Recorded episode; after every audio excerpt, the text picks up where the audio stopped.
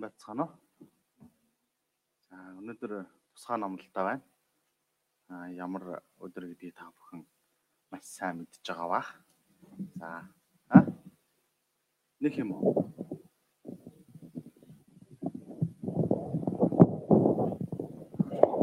Байна уу? А За өнөөдөр чухал зүйл маань Марк 16-гийн 15 мөн 16-гийн 6 гэсэн хоёр ишлэлийг бүгдээр хамт уншия. За 16-гийн 6-аг та бүхэн гаргаад уншаарай. За би уншия.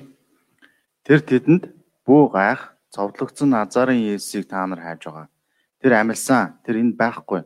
Харагтун түүнийг тавьсан газар энэ байна. За одоо 16-гийн 15 бүгдээр хамт уншия. Есүс тэдэнд бүх ертөнцөөр явж сайн мэдээг хамаг бүтээлд тунхаглагдсан. Итгэж бидний хувьд амлалтын баяр нь хамгийн их хүсэн хүлээдэг баяр. Энэ өдөр бол уй гашуу ялагдлын өдөр байх байлаа.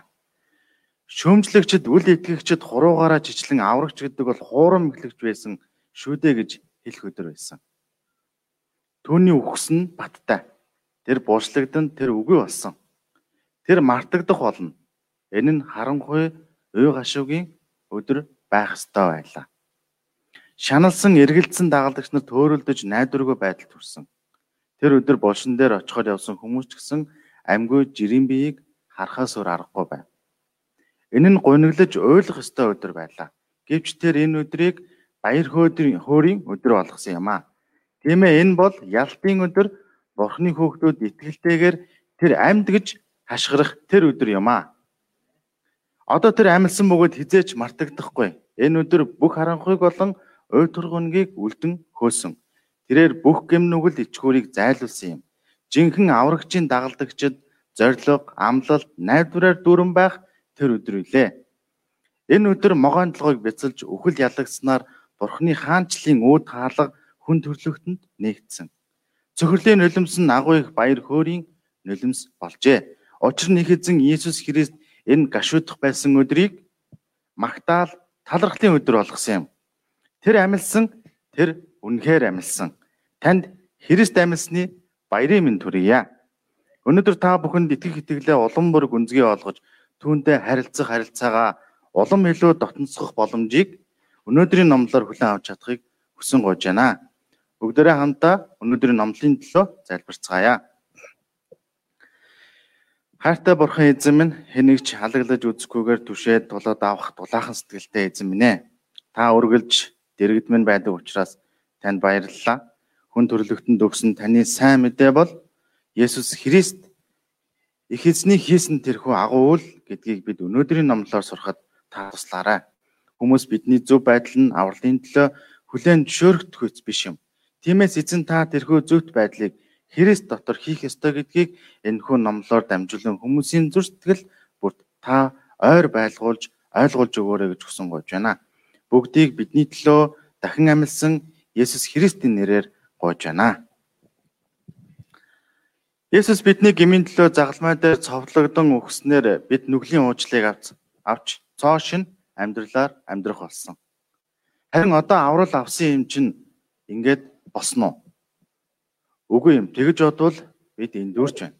Есүс бидэнд бүх үндэстэнд сайн мэдээг тунхагласан мишонерийн дуудлагын үүргийг өгсөн. Энэ үүрэг бол бид насан туршдаа хийх ёстой агуу үүрэг юм аа. Өнөөдрийн нийгэм нь алсын хараа байхгүй, зориг байхгүй тийм цаг үе. Алсын хараа байхгүй бидний амьдрал давчуу, амьдрах хүчгүй, зориггүй болдог.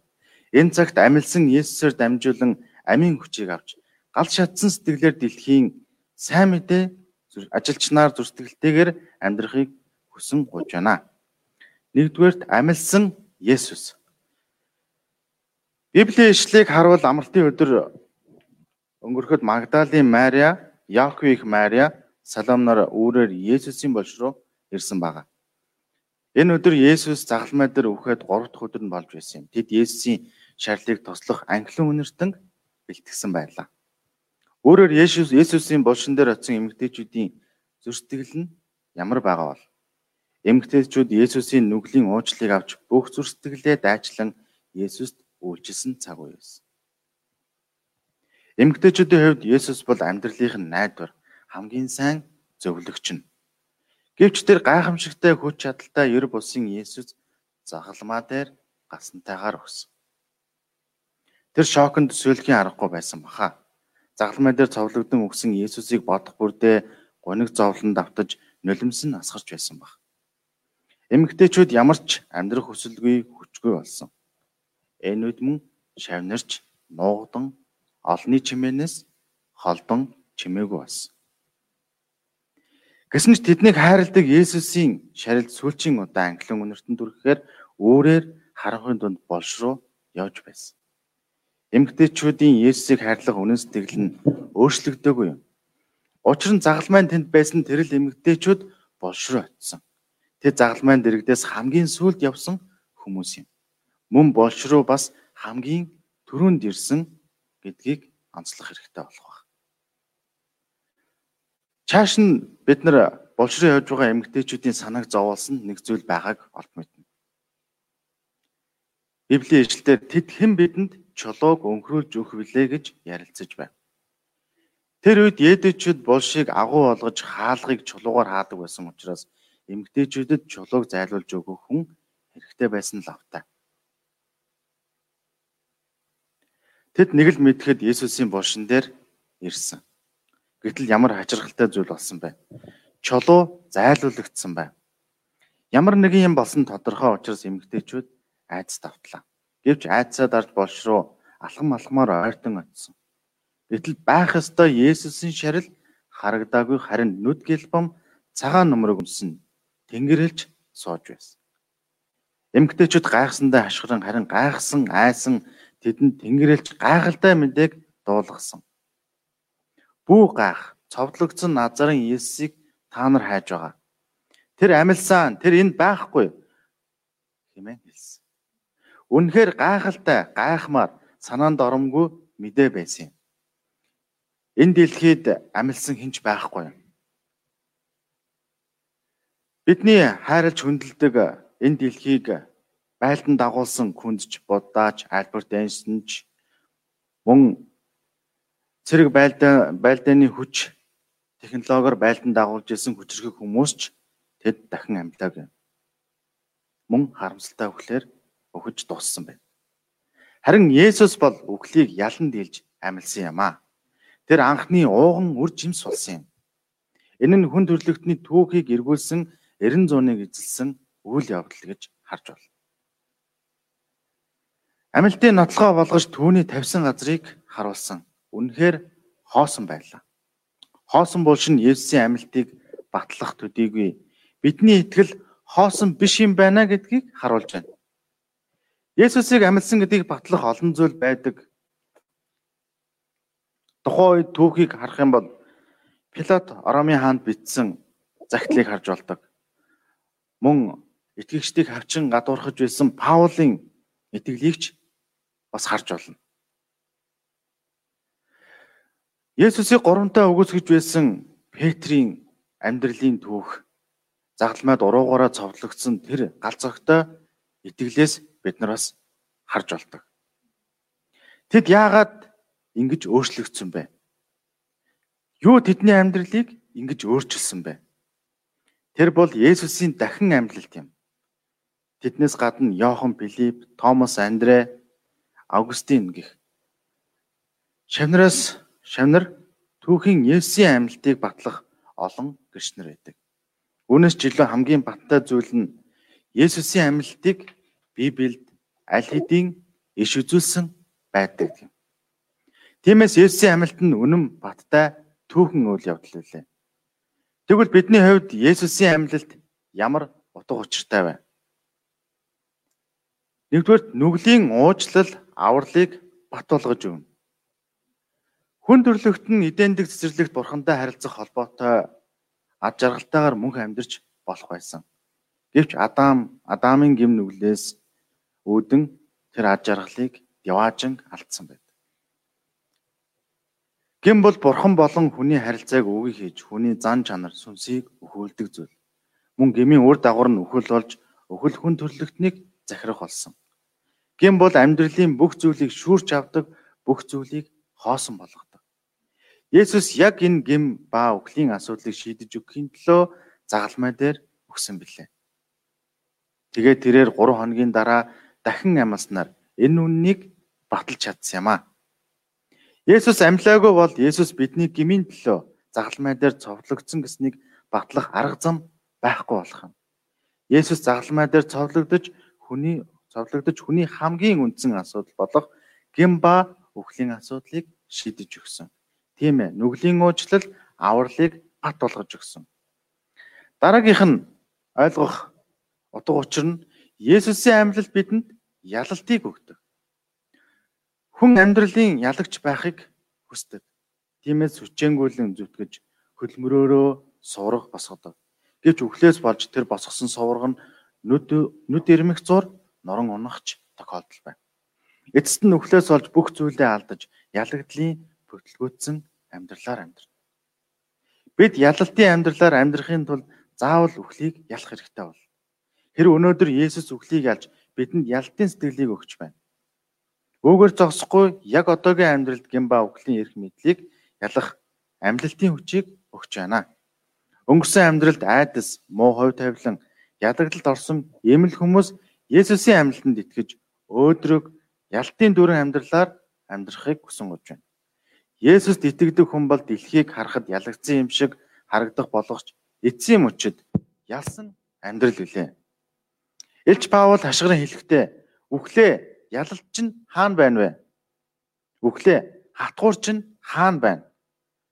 Харин эзэн Иесус Христээр маань бидэнд ялалт өгдөг бурхан талархал нь байх болтугай гэж хэлсэн итгэлтэйгээр тунхагсан удаа бий. Тийм ээ, Есүсийн амьлалд бидэнд ялалтын сэтгэлийг өгдөг. 3 дугаарт Есүсийн амьлалт бол Бурхны хаанчлалын талаарх амьд найдварыг өгдөг юм аа. Есүс амьснараа хүмүүс бурхан руу очих шин зам нэгдсэн. Есүсийн амьлалд хожим Есүс шиг бид ч бас амьлна гэсэн найдварыг өгдөг юм аа. Хүмүүс энэ газарт хангалуун, элбэг дэлбэг амьдралын сайхныг эдэлж амьдрахыг хүсдэг л автай. Нэр алдар, эрх мэдэл, хүндлийг авч бусдыг захирч амьдрахыг хүсэж мөрөөддөг. Гэвч ийм хүсэл биелэгдлэхэд төгсгөл нь үхэлтэй хамт хөөс мэт алга болох болно. Дэлхийн найдвар бол бидний урмыг хугалдаг. Харин Бурхны өгсөн амьлалтын найдвар хизээч бидний урмыг хугалахгүй юм аа. Энэ найдвар нь Бурхны улсын найдвар, мөнхийн амьд найдвар юм. Амьд найдвар байгаа учраас бид энэ дэлхийд эзний төлөө итгэлтэйгээр үйлчилж чаддаг билээ. Тийм ээ, Есүсийн амьлалт бол Бурхны хаанчлалын талаарх амьд найдварыг өгдөг юм аа. Чааш нь 7 дугаар ишлэлийг бүгдээрээ хараарай. Тэнгэр элч эмгтээчүүдэд Есүс эхлээд Галилд очисон гэдгийг түүний шавнарт дуулах гэсэн үүргийг өгсөн. Энэ нь Есүсийн загалмайг үүрхээс өмнө амьлалтын дараа дараах чиглэлийг заасан зарлиг юм. Эмгтээчүүд айд сандран булчнасаа гарна зогцсон. Тэд айд байсан учраас хүнд ч юу ч хэлж чадаагүй нь тодорхой. Тэр хэмжээгээр Есүсийн амьлалт нь маш том аймаар бас гайхамшигтай үйл явдал байсан. Есүс өмнө 7 муу өрийн сүнсэнд давтаж байсан Магдалийн Мариад харагдлаа. Есүс болсноос холдож чадахгүй уйлж буй Мариад үзэгдэн Мария гэж дуудан нулимсыг нь харчиж өг. Харин Мария Есүстэй уулзмагц зүрстэгэл нь баяр хөөрөөр дүүрсэн. Мари гүйж очиод гониглож буй шавнарт энэ сэтгэл догтлом Есүсийн амилсан мэдээг дуулгалаа. Есүс амьд байна. Тэр амилжээ гэж хэлсэн. Гэвч шанар итгэхэд хэцүү байв. Марийг магадгүй шокносоо болоод ирүүл биш байна гэж бодсон л автай. Харин үүний дараа зөвхөрлөлд орсон хоёр шавьда Иесус үзэгдсэн. Тэгэд үгэн дээр суйрлуулж амилтын итгэлийг тарж өгсөн. Хоёр шавин шууд Иерусалим руу гүйж амилтын мэдээг тараас. Гэвч шавнар нь ахаад итгэсэнгүй. Хоёр ч удаа амилтын мэдээг сонссон боловч итгээгүй. Итгэхгүй байгаа шалтгаан нь юу байж болох вэ? хүний нэгдүгээрт хүний оюун ухаанаар ойлгоход хүлэн авахд боломжгүй зүйл байсан.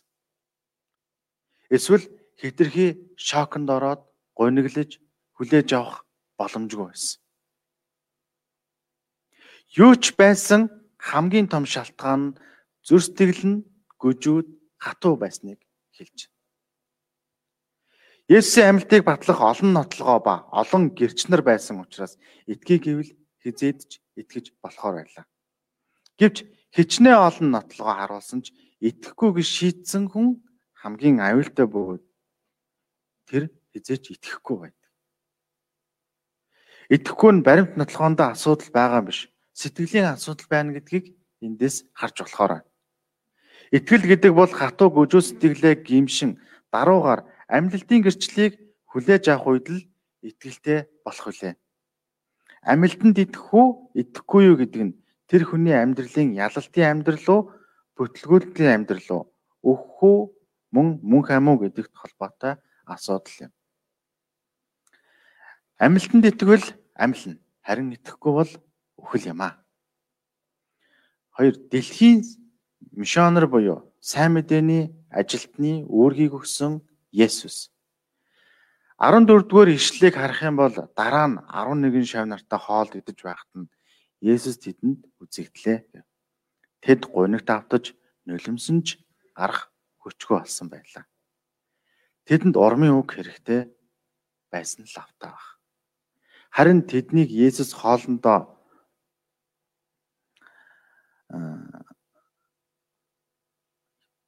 тэгтэл Есүс тэднийг хатуу зэмлсэн. Түүний амьсныг харсанд нь тэд итгээгүй тул тэдний итгэлгүй хатуу зүрхтэйг зэмлэв. Есүс зэмлснээрээ шав нарын хатуурхсан зүрх хатуурсан зүрхтгэлийг хагалж амьлтын итгэлийг суулгасан юм. Тэгээд үүндээр суйрлан дэлхийн сайн мэдээний ажлын үргийг өгсөн. Есүс тэдэнд бүх ертөнцөөр явж сайн мэдээг хамаг бүтээлд тулгтун гэж хэлсэн. Есүс тэдэнд амилтын итгэлийг суулгаж өгсөний дараа дэлхийн сайн мэдээний ажил үргийг өгсөн амилтын итгэлгүйгээр энэ үүргийг биелүүлж хийж чадахгүй учраас юм аа. Мөн тэдний гэрчлэх ёстой агуулга нь Есүсийн загламаа ба амилалт юм. Бүх ертөнцөөр явж сайн мэдээг хамаг бүтээлд тунхаглагдсан гэсэн энэ үгээр бид хэдэн чухал зүйлийг хүлээж авч чадахыг хүсэн гооч байна. Нэгдүгээр сайн мэдээний зорилго нь бүх ертөнц юм. Өөрөөр хэлбэл тэр ертөнцийг аврах нь юм. Энэ нь бүх дэлхийн хүмүүсийн байдал ямар байгааг хэлж байна. Бүх үндэстнүүд хүнд ч гэсэн сайн мэдээг хүлэн авах гэдэгт хүлэн зөвшөөрөх хэрэгтэй. Бүх үндэстнүүд баян ядуу, царайлаг, царай муутай, хар цагаан, эрэгтэй эмэгтэй ялгаагүй бүгдэд сайн мэдээ хэрэгтэй гэдгийг Есүс хэлж байна. Яагаад вэ? Энэ нь сайн мэдээл ганцхан бүх үндэснийг гэм ба үхлээс аврах цор ганц зам учраас юм. Шавнар төрөөд нэг ч удаа Едүгээс гарч үзээгүй. Тэд Израиль сэрхийг мөрөөдөж хязгаарлагдмал Едүзэмд л баригдсан байсан юм. Тэдний өстөн улс Ором хүртэл сайн мэдээ тараана гэдэг нь төсөөлөгдөж боломжгүй байсан баха. Харин Есүс ийм тэдний сэтгэлийг хагалж бүх үндэстнүүдэд явж сайн мэдээ тунхаглал гэсэн даалгаврыг өгсөн. Есүсийн өгсөн энэ үүрэг нь дэлхийг хамарсан түүхэн тушаал үлээ. Хоёрдугаард сайн мэдээ нь үнэн бөгөөд баттай зайлшгүй зүйл юм. 16 дугаар ишлэгийг харах юм бол хэн итгэж баптизм өртөнд тэр аврагдах болно. Харин итгээгүй нь яллагдах болно гэсэн байна. Итгэсэн нь аврагдах боловч итгээгүй нь ялагдана гэж байна. Шавнар сайн мэдээг тунхаглах үед итгэх хүнч байна, итгэхгүй нэгэнч байна. Ихэнх хүмүүс итгэх итгэхгүй нь эргчлөө гэж чухал тооцдгүй. Гэвч итгээгүй нэг нь зүгээр өнгөрөх зүйл бишээ гэдгийг номлоос харж байна. Дараа нь яллагдах ба шитгэлийг авах хэмээжээ. Түүний сүнс өөхөх юм. Энэ нь сайн мэдээний үнний туйл бөгөөд сайн мэдээ нь амьтай холбоотой зүйл учраас юунаас ч илүү чухал нандин хамгийн ихэнд тунхаглагдах ёстой зүйл юм а. 3 дугаарт Есүсийн алсан хараа буюу дуудлага юм. Есүс балчир шав нарынхаа мөрөн дээр бүх дэлхийг даатгсан. Есүсийн алсын хараа дуудлага итгэл юм. Есүсийн шавнар одоогоор нөхцөл байдлаас үл хамааран тэднийг харж цаашдаа дэлхийг хариуцах ажилтнаар тэр харсан. Хүн төрлөختний хувь заяаг өөрчлөх түүхийг бүтээгчд гэж тэр харсан. Есүс тэднэр дамжуулан бүх дэлхийн үндэстнүүдийг аврах гэсэн алсын хараанд чадсан юм. Есүс тэднэр дамжуулаад бүх дэлхийн үндэстнүүдийг аврах мөн хүн төрлөختний багш болсон юм. Шав нарын агуу болсон шалтгаан нь Есүсийн өгсөн өөр агуу байсан учраас юм а. Насан туршдаа мухлаг ажилласан хүн мундаг агуу байсан ч мухлагийн л эзэн. Харин тарчиг ядуу дулмаг хүн байсан ч дэлхийн сайн мэдээний ажлыг хийвэл тэр хүний амьдрал агуу болно гэж тооцогдох юм. Ямар ч харамч юм үзээгүй нарийн хүн байсан ч дэлхийн сайн мэдээний үүргийг авах үед сэтгэлийн хэмжээнд агуу бөгөөд уучлаар дүүрэн далаа шиг өргөн уудам сэтгэлээр хэн нэгэн нэг уучлдаг, чаддаг нэгэн болдог. Бүх үндэснийг сэтгэлдээ тэ залбирдаг, дэлхийд нөлөөлсөн амьдралаар амьдардаг. Та нар бүх ертөнцөөр явж сайн мэдээг хамаг бүтээл тунхаглахтун. Энэ үгийг Есүс шав нартаа зөвлөн биш харин тушаал болгон өгч байна. Тийм учраас нөхцөл байдлаа дагаад хийж болох эсвэл хийхгүй байж болох тийм зүйл биш юм аа. Есүсийн дэлхийд өгсөн тушаал учраас заавал хийх ёстой юм. Энэ тушаалаас гадна Есүсийн хамгийн сүүлчийн үнэн сэтгэлийн найдвар юм. Бид ертөнцөөр явж сайн мэдээг тунхаглахгүй бол маш олон сүнснүүд үхнэ. Бүх ертөнцид сайн мэдээ тунхаглагдах нь хамгийн түрүүнд яаралтай хийгдэг ёстой зүйл үлээ. Тиймээс олон сайн мэдээний ажилчид илгээгдэх ёстой. Гэвч бид сайн мэдээний ажилтнаар амьдрах нь ивэлтэй ерөөлтийг мэддэгч айдаст сөрөг бодол орж ирдэг. Бүх юмаа орхиод Есүсийн төлөө үйлчлэх мөн магадгүй гадаад руу явах ёстой юм шиг хийсвэр зүйл боддог. Гэтэл мишонер буюу сайн мэдээний ажилтнаар ажиллах үед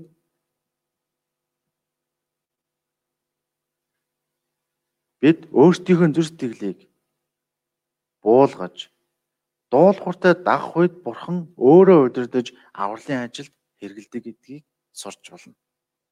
Бурхан хэрхэн удирдахыг бид таашгүй. Харин хамгийн чухал нь дэлхий буюу Монголын оюутан залууст илгээгдэх тэр зүр сэтгэлээсээ хүлээн авч дуулууртай байх нь бидэнд чухал юм. 17 18 дугаар ишлэгийг харуул Есүст итгэдэг нэгэнд нь хүч чадлыг өгнө гэж амлажээ. Есүсийн нэрээр чөтгөрийг зайлуулах сүнслэг хүчийг өгсөн. Тиймээс энгийн үед зүгээр байсан ч мөрөн сүнснүүд сайн мэдээний ажилтнаар амьдрна гэсэн итгэлтэй байх юм бол Бурханаас морын сүнсийг зайлуулах хүчийг өгдөг. Мөн шин хэлээр ярих болно гэжээ. Хаан ч утсан тэдэнтэй ойлголцсон мэрэгэн ухааныг бидэнд өгөх болно мөн бүх аюулаас хамгаалж өгнө гэж. Элсэн цөлдөж, далайн шуургандч, хаа байсан, хол байсан ч, ганцаараа байсан ч ямар ч нөхцөл байдлаас үл хамааран тэр хамгаалах болно гэж амласан. Есүс үгээ айлдаа тэнгэр рүү заларч Бурхны хаан судлын хажууд суулаа. Тэгээд шанар нь бүгд гарч сайн мэдээ тунхаглах үед Есүс тэдэнтэй хамт байж бүхий л цагийг удирдах өгсөн юм. Есүс мишонероор амьдрахад дуулууртай байсан хүнийг өрөөж түүгээр дамжуулан өөрийн агуу түүхийг бүтээдэг. Манай Ибэв чуулганыг өөрийн авралын ажилд хэрэглэж байгаа шалтгаан нь оюутан залууст сайн мэдээ тунхаглах дуудлага үүргийг хүлээн авч дуулууртай байсан төлөө.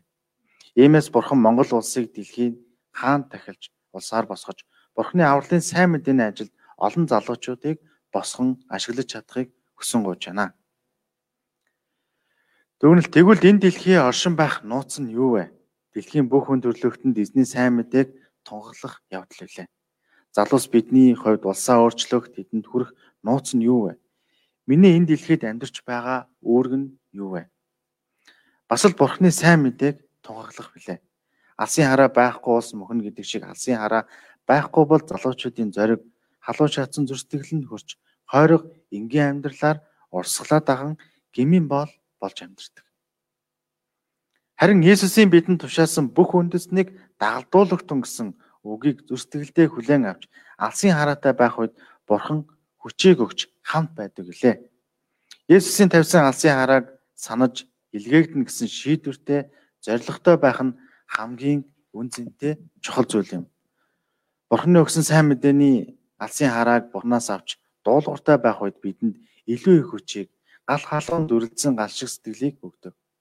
Есүс тэдэнд бүх ертөнцөөр явж сайн мэдээг хамаг бүтээлд тунхаглагтун гэсэн.